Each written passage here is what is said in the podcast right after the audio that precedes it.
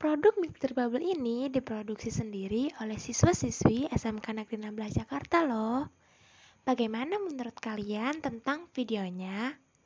Nah, menurut kalian, media iklan apa sih yang cocok untuk mempromosikan Mixer Bubble ini?